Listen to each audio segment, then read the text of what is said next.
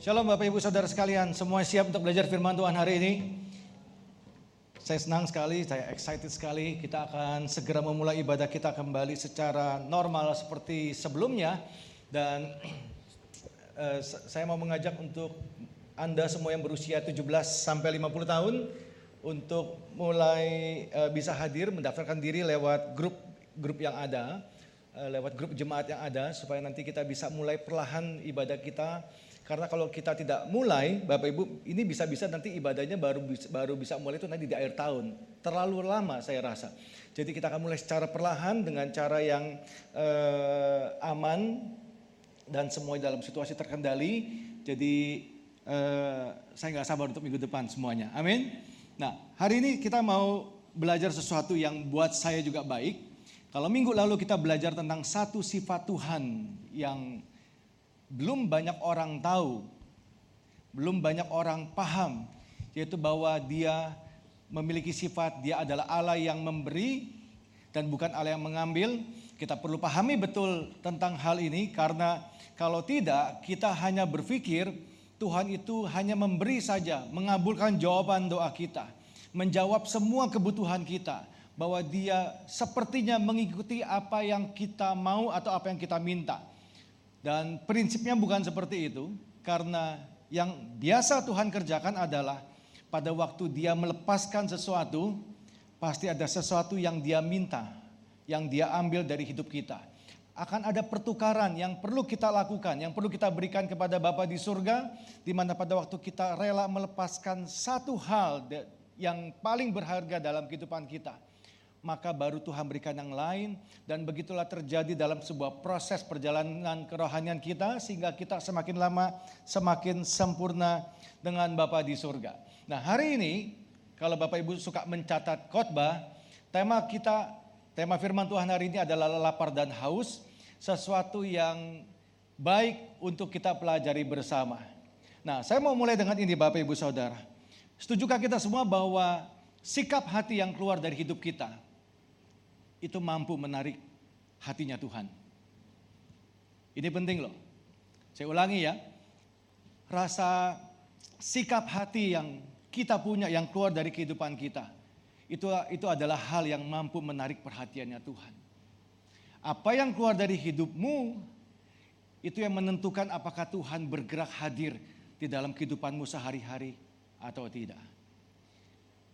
Dan kita perlu pelajari akan hal ini. Kenapa? Karena sikap hati yang benar itu mampu menyedot berkat Tuhan yang besar untuk hadir dalam kehidupan kita semua. Bicara soal berkat tentunya bukan bicara soal uang atau hal-hal materi, tapi bicara berkat itu bicara tentang keselamatan, kemurahan, penyertaan Tuhan, perkenanan Tuhan dan lain sebagainya dan lain sebagainya dan lain sebagainya. Nah, semua berkat-berkat rohani yang tadi sudah kita dengar itu datang atau dilepaskan. Tergantung dari bagaimana sikap hati kita di hadapan Tuhan.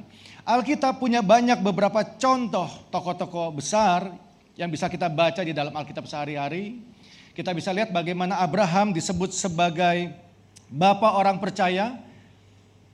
Tuhan berikan gelar itu kepada dia bukan karena dia pintar, bukan karena dia hebat, tapi gelar itu diberikan kepada Abraham karena sikap hati yang dia tunjukkan pada waktu Tuhan meminta anak satu-satunya dan Abraham persembahkan dengan hati yang rela, dengan sungguh-sungguh dan pada waktu sikap hatinya benar, maka Allah itu menyukai apa yang keluar setiap keputusan daripada Abraham. Musa juga demikian. Alkitab mencatat bahwa Musa dikatakan sebagai orang yang lembut hatinya. Dia memimpin kurang lebih sekian juta bangsa Israel keluar dari perbudakan menuju ke tanah perjanjian dari Mesir membawa jutaan orang masuk ke dalam tanah perjanjian bukan hal yang mudah. Ada begitu banyak hal yang bisa menguras energinya, emosinya, pikirannya, dan lain sebagainya. Tapi saudara, apa yang terjadi? Alkitab mencatat bahwa Musa adalah orang yang sangat lembut hatinya. Dia mendengar setiap kali Tuhan berbicara. Nah, respon seperti ini, sikap hati seperti ini, itu adalah sikap yang Tuhan sangat suka. Dan itu menyebabkan kenapa nama Musa masih dianggap sebagai seorang tokoh yang penting bagi bangsa Israel dan orang-orang Kristen di seluruh dunia sampai hari ini. Contoh ketiga yang bisa kita pelajari adalah tentang Daud. Kita tahu siapa Daud, bagaimana dikatakan hidupnya itu berkenan di hadapan Tuhan. Kenapa? Karena yang Daud pikirkan setiap hari, tidak ada yang lebih penting, tidak ada yang lebih sempurna, tidak ada yang lebih baik daripada Allahnya sendiri.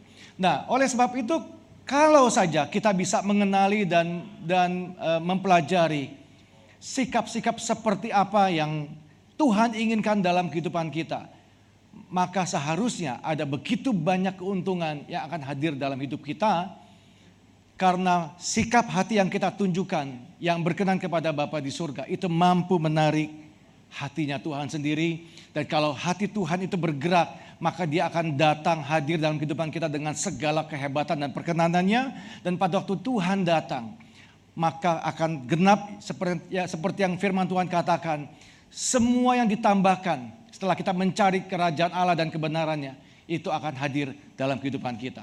Pertanyaannya adalah sikap hati seperti apa yang mampu menggetarkan kerajaan sorga. Ada tiga poin yang mau saya bagi, tapi hari ini kita akan bahas yang pertama. Poin kedua dan poin ketiga kita akan bahas dalam minggu-minggu berikutnya. Hari ini kita akan fokus dalam sikap yang pertama, itu tentang rasa lapar dan rasa haus. Mari kita baca firman Tuhan di dalam Lukas 19 ayat yang pertama sampai ke 6. Firman Tuhan katakan demikian. Yesus masuk ke kota Yeriko dan berjalan terus melintasi kota itu.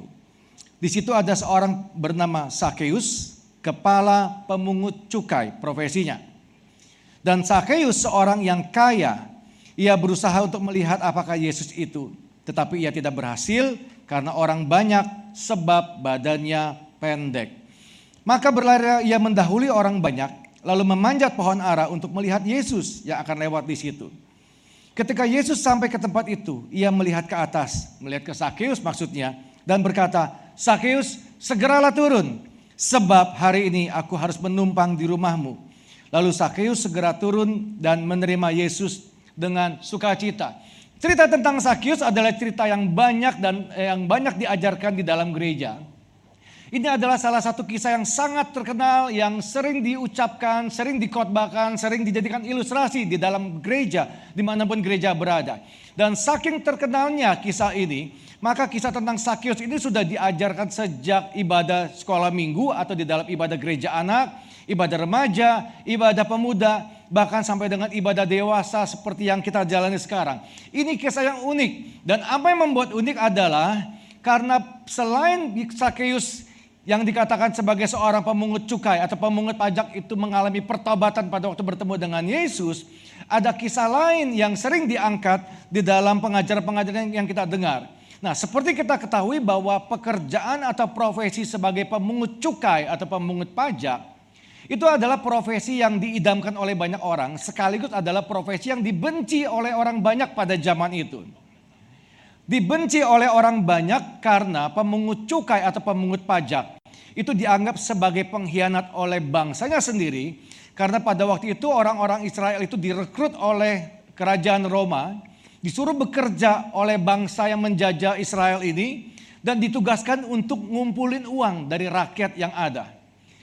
Saudara, jadi mereka ini dianggap sebagai musuhnya masyarakat atau sampah masyarakat karena bagi orang Israel adalah hina hukumnya melihat sesama saudara itu memungut pajak satu sama lain.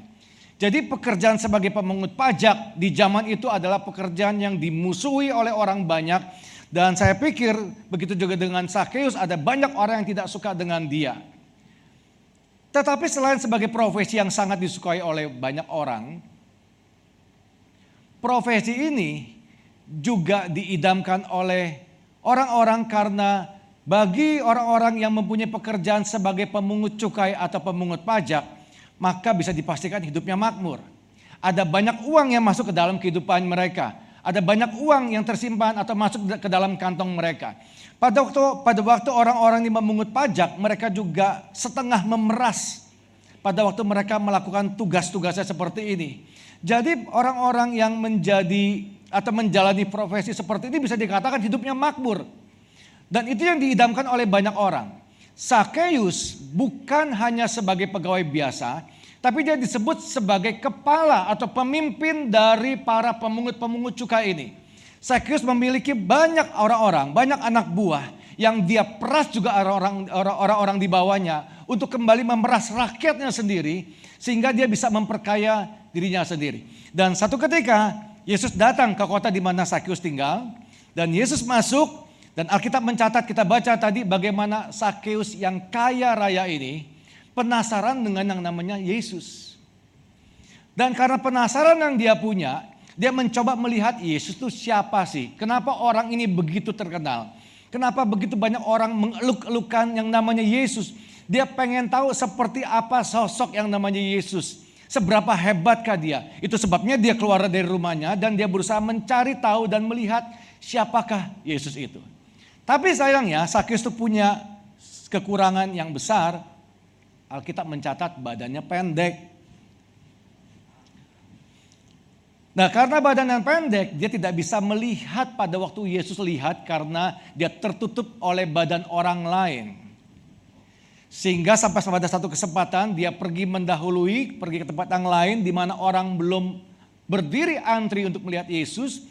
Dia segera ada di sana, tapi dia juga berpikir bahwa kalau saya tetap berdiri di sini, toh juga sama juga saya juga nggak akan kelihatan oleh orang-orang kalau nanti orang-orang datang ke sini karena badan saya pendek dan dia memutuskan untuk naik ke sebuah pohon untuk melihat pada waktu Yesus lewat. Dan dan dan benar saja pada waktu Yesus lewat melihat ada satu orang, satu-satunya orang yang naik ke atas pohon. Yesus tertarik dan berkata, "Sakyus, turunlah. Hari ini aku mau mampir ke rumahmu." Pertanyaannya hari ini adalah apa yang membuat Yesus tertarik kepada Sakyus? Kenapa Yesus tidak tertarik kepada yang lain? Saudara, kalau coba bayangkan kalau kita menjadi Yesus, kita melakukan banyak mujizat, kita menyembuhkan banyak orang, kita mengusir banyak setan, kita punya pengikut begitu banyak, kita mulai terkenal. Hal yang lumrah terjadi pada waktu kita datang ke sebuah tempat, maka orang-orang akan berkerumun kepada kita. Minimal minta doa, minimal minta keselamatan, Minimal minta disembuhkan. Kalaupun gak, lagi gak sakit minimal datang didoain deh, ditumpangin tangan deh. Kenapa? Karena Yesus di depan saya. Sakeus tidak mempunyai permintaan apa-apa loh Alkitab di dalam uh, Alkitab yang kita baca tadi. Dia cuma pengen lihat Yesus lewat seperti apakah Yesus. Lalu apa yang membuat Yesus tertarik kepada Sakeus? Jawabannya adalah Yesus melihat ada keinginan yang besar, ada rasa laus, rasa lapar yang disimpan begitu lama oleh Sakeus, orang yang kaya raya ini. Orang yang sepertinya hidupnya tidak berkekurangan, orang yang hidupnya itu diingini oleh banyak orang, tetapi mengalami kekosongan yang besar dalam hidupnya. Itu yang Yesus lihat. Yesus gak tertarik dengan hartanya, Yesus tidak tertarik dengan posisinya Sakeus, dengan kedudukannya, dengan koneksinya. Walaupun ini adalah seseorang yang diidamkan oleh orang banyak. Saudara, apa yang terjadi pada waktu ada uang, ada posisi, dan juga ada relasi. Pada waktu uang, posisi, dan relasi berkumpul di tempat yang sama dalam seseorang. Maka bisa dikatakan orang itu akan berubah menjadi orang yang powerful sekali. Dan ini adalah sesuatu yang diingini oleh banyak orang. Tapi Yesus gak lihat itu. Yang Yesus lihat adalah adanya rasa lapar, rasa haus yang begitu besar yang akhirnya membuat Sakeus nekat dia naik ke atas sebuah pohon hanya untuk bertemu dengan Yesus juru selamat kita. Dengar baik-baik. Rasa lapar dan rasa haus yang ada dalam diri seseorang itu selalu menarik hatinya Tuhan. Ini penting loh. Karena bagi sebagian orang berpikir saya bisa berbuat sesuatu bagi pelayanan, bagi Tuhan, bagi gereja. Pada waktu saya punya banyak harta, pada waktu saya punya banyak kemampuan, pada waktu saya punya banyak keahlian. Tapi dari apa yang kita pelajari tadi, yang membuat Yesus tertarik, yang mampu membuat hati Tuhan itu bergerak, adalah pada waktu ditemukan adanya rasa lapar dan rasa haus. Permasalahannya adalah banyak orang tidak murni cari Tuhan hari-hari ini. Kita teriak-teriak di dalam gereja, Tuhan aku mengasihimu, Tuhan aku mencintaimu, Tuhan kaulah satu-satunya dalam hidupku, Tuhan kau adalah segalanya bagiku, engkau permata dalam hidupku, dan lain sebagainya, dan lain sebagainya, dan lain sebagainya. Pertanyaannya adalah, benarkah apa yang keluar dari mulut kita? Karena sering kali tanpa kita sadari kita bukan cari Tuhan, kita bukan cari pribadinya. Kita tidak cari kehendaknya. Tapi pada waktu kita datang ke gereja, pada waktu kita berdoa, yang kita cari adalah jawaban untuk doa-doa kita sendiri. Dengan kata lain yang kita mau pada waktu kita datang kepada Tuhan adalah kita mau dompetnya Tuhan. Kita mau pertolongannya Tuhan. Kita mau jawaban yang Tuhan punya. Bukan yang lain. Yang kita kejar cuma hasil kita nggak pernah punya keinginan, kita nggak pernah lapar dan haus untuk membangun sebuah hubungan yang baik, kedekatan dengan Tuhan. Dan itu yang membuat kenapa tidak banyak orang sekalipun ada di dalam gereja, hidupnya mengalami Tuhan. Itu yang menjadi jawaban kenapa begitu banyak orang yang mengalami kekeringan, kehausan, padahal mereka ada di dalam gereja setiap hari minggu. Itu yang membuat kenapa orang-orang bisa lemes, bisa kehilangan semangat di dalam perjalanan iman mereka karena yang mereka cari tanpa mereka sadari adalah mereka mencari sebuah jawaban. Mereka tidak mencari pribadi sang pemberi jawaban. Tahukah bahwa ketika kita memiliki rasa lapar dan rasa haus, satu-satunya jawaban yang bisa menyegarkan dan memuaskan kita itu akan datang daripada Tuhan sendiri. Amin. Tidak ada hal lain yang bisa menyegarkan kita, yang bisa membuat kita puas. Hanya Yesus yang bisa menyegarkan kita. Yohanes 6 ayat 35 firman Tuhan berkata seperti ini. Akulah roti hidup, barang siapa datang kepadaku ia tidak akan lapar lagi.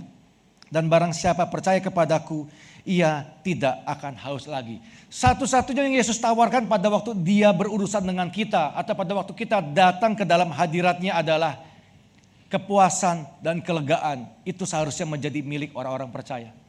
Di mana pun mereka berada. Kepuasan yang kita cari dari dalam dunia itu seperti jerat. Kenapa? Sekali kita dapatkan, kita akan terikat lebih dalam. Begitu kita dapat kepuasan sesaat, itu tidak bertahan lama, itu akan hilang dalam beberapa waktu. Dan itu yang membuat kenapa banyak orang bisa terjerat dengan berbagai macam dosa, judi, drugs, dan lain sebagainya. Karena mereka mencari sesuatu yang gak pernah ada ujungnya. Kesenangan yang mereka dapatkan sebentar, mereka katakan bahwa inilah yang aku cari. Mereka lupa bahwa begitu malam berganti atau hari berganti satu dua hari kemudian. Apa yang bisa membuat mereka puas itu akan pergi. Dan itu membuat orang berjalan lebih jauh lagi, terlibat lebih jauh lagi. Sehingga tanpa mereka sadari mereka masuk dalam jebakan yang gak bisa mereka keluar. Sedangkan yang Yesus katakan pada waktu dia bertemu dengan kita. Bertemu dengan saudara dalam jam-jam doamu, dalam hidupmu. Dia berkata, akulah roti hidup. Pada waktu engkau memakan dan meminumnya, engkau akan disegarkan dan engkau akan dipuaskan. Kita perlu mengalami Tuhan di dalam kehidupan kita terutama hari-hari ini. Pada waktu kita tidak lagi berkumpul di dalam gereja, kita harus ikut dalam ibadah online. Aneh, memang sedikit aneh rasanya pada waktu kita beribadah di rumah. Rasanya tentu berbeda, suasana berbeda. Biasa kita kumpul dengan 400, 500, 600 orang. Sekarang hanya ada anak dan istri, istri hanya ada istri dan anak-anak. Itu pun juga nggak semuanya siap pada waktu ikut ibadah online. Ada yang sambil tiduran, ada yang sambil makan, ada yang baru mandi dan lain sebagainya. Dan saudara, apa yang terjadi pada waktu kita datang bertemu dengan Tuhan tapi kita nggak siap mempersiapkan diri kita. Sudah pasti kita nggak akan dapatkan jawaban apa-apa. Dan itu yang, yang menyebabkan kenapa banyak orang berkata, kok saya nggak mendapatkan berkat pada waktu saya ikut ibadah online. Kok saya nggak diberkati, kok firman Tuhan nggak berbicara kepada saya. Kok saya nggak mengalami Tuhan kalau ibadah online. Masalahnya bukan di ibadah online atau di ibadah, di ibadah offline. Tapi sikap hatimu yang akan menentukan apakah kau akan menerima sesuatu atau tidak. Ayat yang ketujuh, Lukas 19.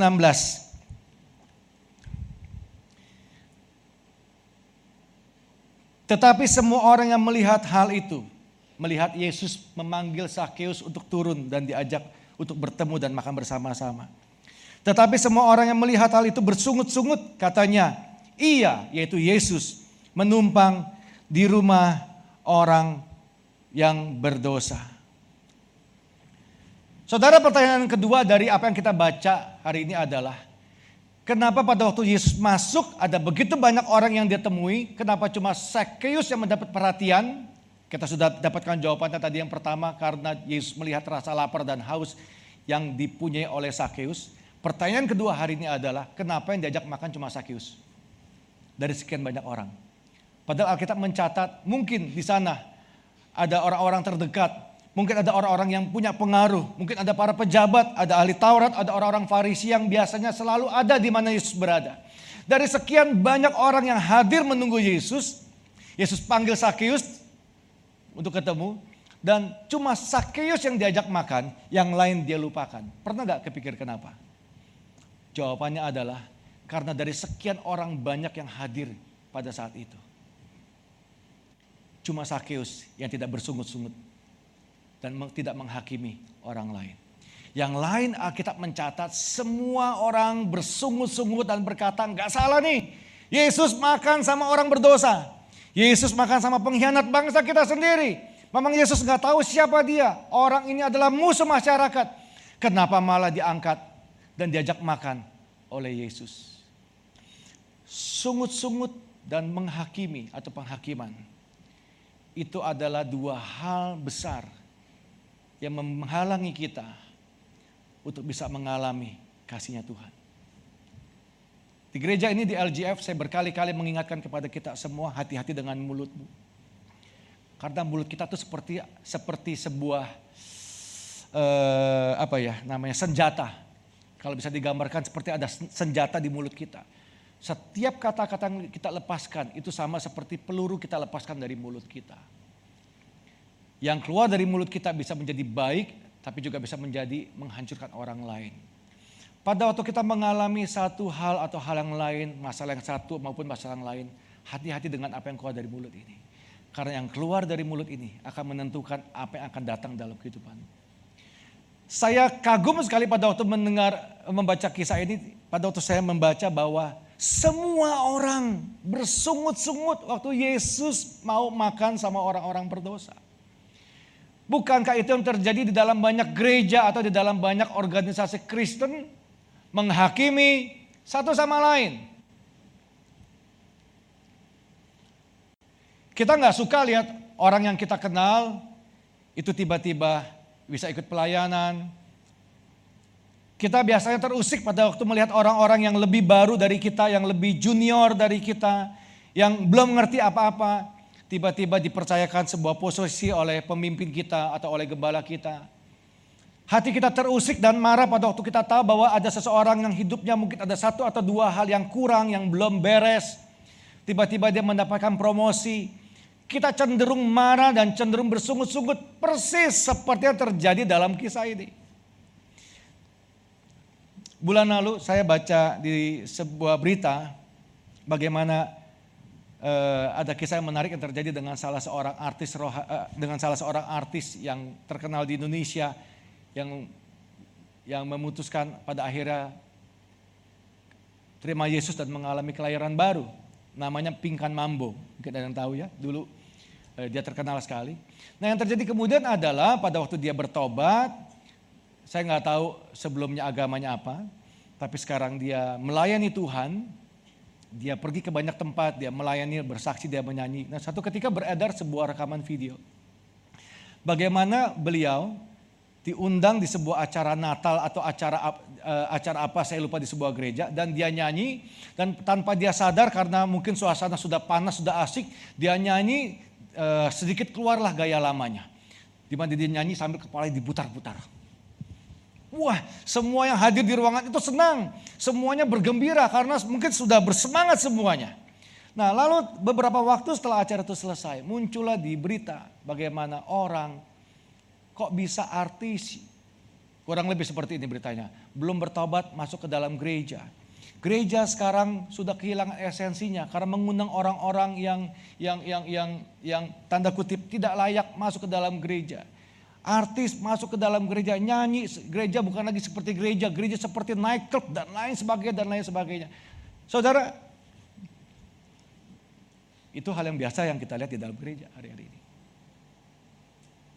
dan ini menjadi jawaban kenapa tidak banyak orang bisa mengalami terobosan besar datang dalam hidupnya kita cenderung mudah untuk menghakimi orang lain cenderung mudah untuk merendahkan orang lain. Empat bulan ini selama masa di mana kita di rumah saja, saya pikir kita akan banyak habiskan waktu untuk lihat YouTube, lihat sosial media kita yang lain. Kita bisa mendengar banyak khotbah di sana. Dan kita bisa mendengar melihat banyak komentar di sana. Saya melihat begitu banyak serangan yang ditujukan ke beberapa gereja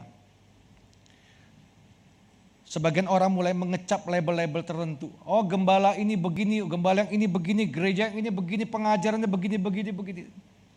Tanpa sadar, kita tuh hidup di dalam masa di mana kita terbiasa menghakimi orang lain. Dan sepertinya sah untuk kita menghakimi orang lain. Menghakimi hidup orang lain, menghakimi hidup hamba Tuhan lain, gereja yang lain, organisasi lain yang atau apa pun saja. Sepertinya adalah hal yang biasa karena begitu kita buka handphone kita, isinya seperti itu. Tapi dengar baik-baik. Kalau engkau terbiasa hidup di dalam penghakiman seperti ini, saya mau katakan kau nggak akan terima apa-apa. Ceritanya mengajarkan dari sekian banyak orang, cuma satu yang Tuhan undang. Sakeus, kenapa? Dia adalah orang mengalami kasihnya Tuhan, itu sebabnya dia tidak berani untuk menghakimi atau mencela orang lain. Dan keselamatan datang dalam hidupnya. Ayat yang ke-8 firman Tuhan katakan begini. Tetapi Sakeus berdiri dan berkata kepada Tuhan, Tuhan setengah dari milikku akan kuberikan kepada orang miskin. Dan sekiranya ada sesuatu yang kuperas dari seseorang, ku kembalikan empat kali lihat. Empat kali lipat. Kita bisa lihat apa yang terjadi pada waktu pertobatan datang dalam hidup seseorang. Yang pertama kali bisa kita lihat di depan di depan kasat mata mata kita sendiri adalah terjadinya perubahan cara orang berpikir. Bagaimana cara orang berpikir berubah? Yang selalu terjadi adalah apa yang dia anggap baik sebelumnya, apa yang dia pertahankan baik-baik dalam hidupnya, apa yang paling dia jaga, apa yang paling dia tutupi. Begitu terjadi pertobatan, cara berpikirnya berubah, maka yang tadinya dianggap itu yang paling berharga, sekarang Tuhan segala-galanya dalam hidupnya. Orang harus mengalami perubahan cara berpikir demikian untuk bisa mengalami Yesus.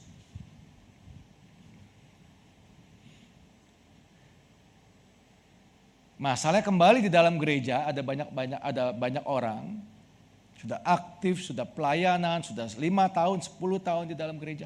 Hidupnya begitu-begitu aja. Kenapa? Karena sekian tahun ikut Yesus tidak ada perubahan di sini. Harta saya adalah segala-galanya bagi saya. Kesehatan saya adalah yang paling penting buat saya. Bukan Yesus. Apakah Yesus penting? Ya, saya tahu Yesus penting. Apakah tahu, tahu Yesus adalah Tuhan? Ya, saya tahu dia adalah Tuhan. Tapi walaupun dia Tuhan, harta saya tetap yang segala-galanya buat saya. Harga diri saya tetap segala-galanya buat saya. Ego saya tetap segala-galanya buat saya. Hari Minggu saya ke gereja, begitu saya keluar rumah, ini adalah tanda kutip Tuhan dalam kehidupan saya. Minggu lalu dalam firman Tuhan saya, eh, kita belajar sebuah perumpamaan bagaimana ada dikatakan se, ada seseorang pedagang yang sedang menggali sebuah tanah. Dan waktu dia gali, dia temukan ada mutiara di dalam tanah tersebut. Apa yang terjadi kemudian? Alkitab menulis pedagang ini pulang, dia menjual semua harta yang dia punya.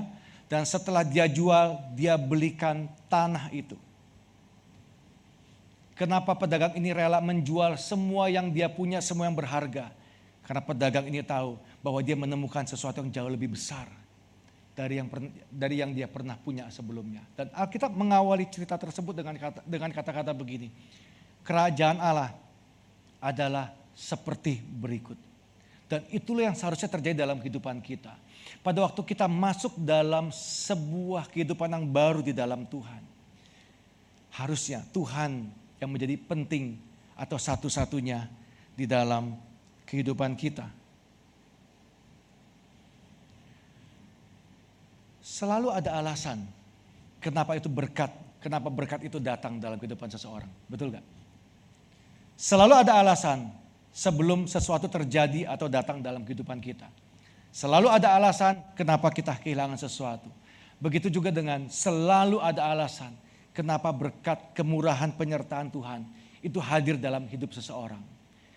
Kalau sampai itu semua hadir, semua hal yang baik yang datang daripada Tuhan sendiri, hadir dalam hidupmu. Itu tidak datang dengan sia-sia, itu tidak datang dengan tiba-tiba. Karena selalu ada rentetan peristiwa yang sudah terjadi di belakang kehidupan kita. Penderitaan, pengorbanan, ketaatan, ketekunan yang kita persembahkan kepada Tuhan. Dan pada saatnya nanti Tuhan membalas itu semua dengan sesuatu yang jauh lebih besar. Karena Tuhan pada waktu dia memberi, Dia memberi jauh melebihi mimpi yang kita punya. Saudara kau perlu kenal sifat Tuhan yang satu ini. Tuhan itu bukan Allah yang mengambil, tapi dia adalah Allah yang memberi. Pada waktu dia berikan atau dia melepaskan sesuatu dalam hidupmu, apa yang kau terima itu pasti jauh lebih besar daripada apa yang pernah kau mimpikan atau yang kau pernah bayangkan sebelumnya. Hari-hari ini ada begitu banyak orang itu setengah-setengah ikut Tuhan. Kenapa? Karena hidupnya penuh dengan kekecewaan, hidupnya penuh dengan rasa curiga, hidupnya penuh dengan rasa takut. Kita terbiasa hitung-hitungan dalam kehidupan kita sehari-hari. Kalau saya kasih ini saya dapat apa? Kalau saya kasih kasih eh, kasih dia uang saya terima apa? Kalau saya bantu dia saya dapat apa? Kita terbiasa hidup dalam kondisi seperti ini dan tanpa sadar kita juga mm, apa, melakukan hal yang sama pada waktu kita bertemu dengan Tuhan. Kalau saya pelayanan, saya terima apa? Kalau saya jadi pendoa, saya terima apa? Kalau saya jadi jemaat yang setia, apa yang saya dapatkan? Dan sikap seperti ini yang menghalangi bagaimana Tuhan itu bisa bekerja total dalam kehidupan kita semua. Kita curiga sama Tuhan. Kita hitung-hitungan, Tuhan kalau saya kasih persembahan segini saya dapat apa? Kalau saya puasa saya terima apa? Kalau saya full time, apa yang akan kau berikan buat saya? Kalau saya tinggalkan pekerjaan saya, engkau kasih apa? Kita terbiasa tuh apa ya? Hitung-hitungan sama Tuhan. Kita nggak biasa ter, kita tidak terbiasa untuk barter. Menukar dari kesadaran kita sendiri karena kita tahu yang pilihan Tuhan itu pasti jauh lebih baik buat kita. Tapi kita selalu hitung-hitungan, Tuhan kau maunya apa? Engkau kasih dulu baru aku kasih. Nah hidup seperti ini sulit sekali bisa mengalami bagaimana Tuhan bekerja secara hebat dalam kehidupan kita. Saudara saya mau kasih tips hari ini atau mendorong kita semua. Jangan pernah berikan sisa kepada Tuhan dalam hidupmu. Selalu belajar berikan yang terbaik dalam hidupmu. Kenapa? Tuhan adalah Allah yang memberi, bukan yang mengambil. Kau harus mengerti prinsip ini baik-baik. Satu kisah terakhir untuk sebelum kita menutup firman Tuhan, saya undang teman-teman maju ke depan. Bagaimana pada waktu Tuhan melepaskan sesuatu, itu jauh lebih besar dari yang pernah kita bayangkan atau mimpikan. Lukas 7 ayat 36 sampai 39, lalu kita akan baca lompat sedikit ayat 48 sampai 50. Firman Tuhan berjudul Yesus diurapi oleh seorang perempuan berdosa. Seorang Farisi mengundang Yesus untuk datang makan di rumahnya. Yesus datang ke rumah orang Farisi itu, lalu duduk makan. Di kota itu ada seorang perempuan, perhatikan, yang terkenal sebagai seorang pendosa. Ketika perempuan itu mendengar bahwa Yesus sedang makan di rumah orang Farisi itu, datanglah ia membawa sebuah buli-buli pualam berisi minyak wangi. Lalu sambil menangis perempuan itu pergi berdiri di belakang Yesus dekat kakinya lalu membasahi kakinya itu dengan air matanya dan menyekanya dengan rambutnya. Kemudian ia mencium kakinya dan meminyakinya dengan minyak wangi itu. Ketika orang Farisi mengundang Yesus melihat hal itu, ia berkata dalam hatinya, "Jika ia ini nabi, tentu ia tahu siapakah dan orang apakah perempuan yang menjamanya ini." Tentu ia tahu bahwa perempuan itu adalah seorang berdosa. Kisah yang kembali mirip dengan apa yang terjadi dengan Sakeus. Ayat 48. Lalu ia berkata kepada perempuan itu, Yesus yang berkata kepada perempuan itu, dosamu telah diampuni.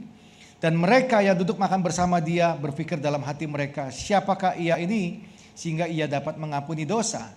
Ayat 50 firman Tuhan berkata, tetapi Yesus berkata kepada perempuan itu, imanmu telah menyelamatkan engkau, pergilah dengan selamat. Kisah yang unik saudara, bahwa Yesus dikatakan makan di rumah orang Farisi. Orang Farisi adalah kelompok orang yang memusuhi Yesus. Yesus dimusuhi oleh hampir semua orang Farisi dan orang Saduki di zaman itu. Tapi heran ya, Yesus punya kebiasaan makan di tempat orang berdosa. Tadi dia makan di rumahnya Sakius, sekarang dia makan di rumah golongan ahli agama yang biasanya mencela dan mengkritik dia. Dia makan di situ, lalu Alkitab mencatat ada seorang perempuan yang terkenal Terkenal itu artinya perempuan ini dikenal oleh desa atau oleh kotanya. Terkenal bukan karena kebaikannya, terkenal bukan karena kemurahannya, tetapi terkenal karena dia adalah orang berdosa. Tidak dijelaskan dosa seperti apa yang, di, yang dilakukan oleh perempuan ini sampai dia begitu terkenal, tapi besar kemungkinan bahwa wanita ini adalah orang atau perempuan yang suka berzina. Karena hanya dosa itu yang dipakai, yang terjadi, yang kalau dilakukan membuat orang mendapatkan label seperti itu. Nah perempuan yang berdosa ini dia tahu siapa dirinya, dia tahu dia adalah sampah masyarakat, dia musuh masyarakat, tapi dia nekat, dia mendatangi tempat di mana Yesus makan.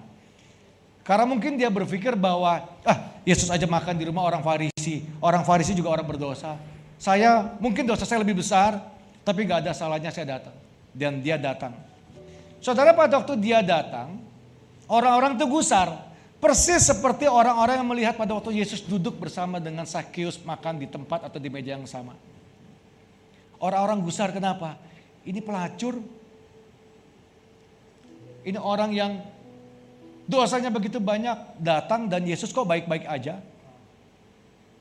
Kok Yesus mau didekati oleh perempuan ini? Tetapi kisah ini luar biasa loh. Perempuan ini datang nggak ngomong apa-apa. Dia cuma pegang kaki Yesus dan dia menangis. Akhirnya mencatat air matanya membasahi kakinya Yesus. Setelah kaki Yesus itu basah oleh air mata yang keluar dari perempuan ini. Alkitab itu mencatat apa? Dia ambil rambutnya. Dia bersihkan kaki Yesus oleh rambutnya sendiri. Setelah bersih, dia tuangkan minyak di kakinya itu. Dan Yesus selalu punya sifat yang sama. Dia nggak pernah peduli dengan kelemahan seseorang. Anda harus catat itu baik-baik. Yesus gak peduli dengan dosa yang dimiliki oleh perempuan ini. Berapa besar Yesus gak peduli. Dan seharusnya sifat itu nempel sama kita kan sebagai anak-anaknya. Tetapi kita mencatat bagaimana orang-orang Faris itu gusar. Yesus guru, kamu gak salah. Ini pelacur.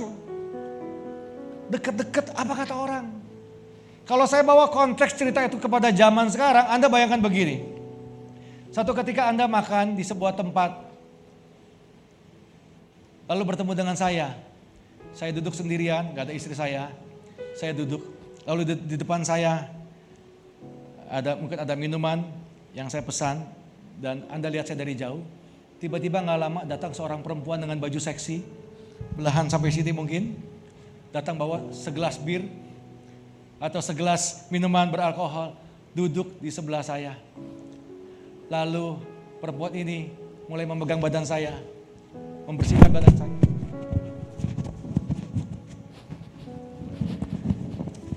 Ada aja gangguan kayak gini ya.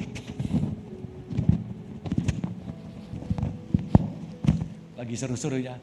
Bayangkan perempuan ini mulai memegang badan saya dan mulai membersihkan baju saya. Dan dia lalu memegang kaki saya dan mencium. Sambil menangis. Saudara, kira-kira apa yang Anda pikirkan pada waktu engkau melihat gembalamu atau pemimpinmu ada di sebuah tempat dengan lampu yang mungkin agak remang-remang. Dan seorang perempuan dengan baju seksi datang, mendekat, mulai memegang sampai ke kaki lalu menangis. Besar kemungkinan kita berpikir bahwa jangan-jangan gembala gue ada main gila sama perempuan lain.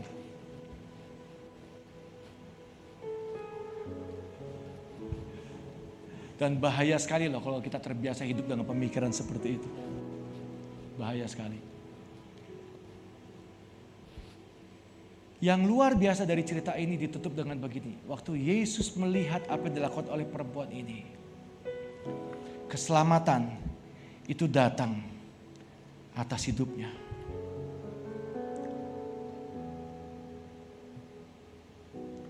Di bagian lain daripada kisah ini tertulis apa yang dilakukan oleh perempuan ini itu akan dikenang oleh banyak orang di mana pun cerita tentang ini itu diungkapkan.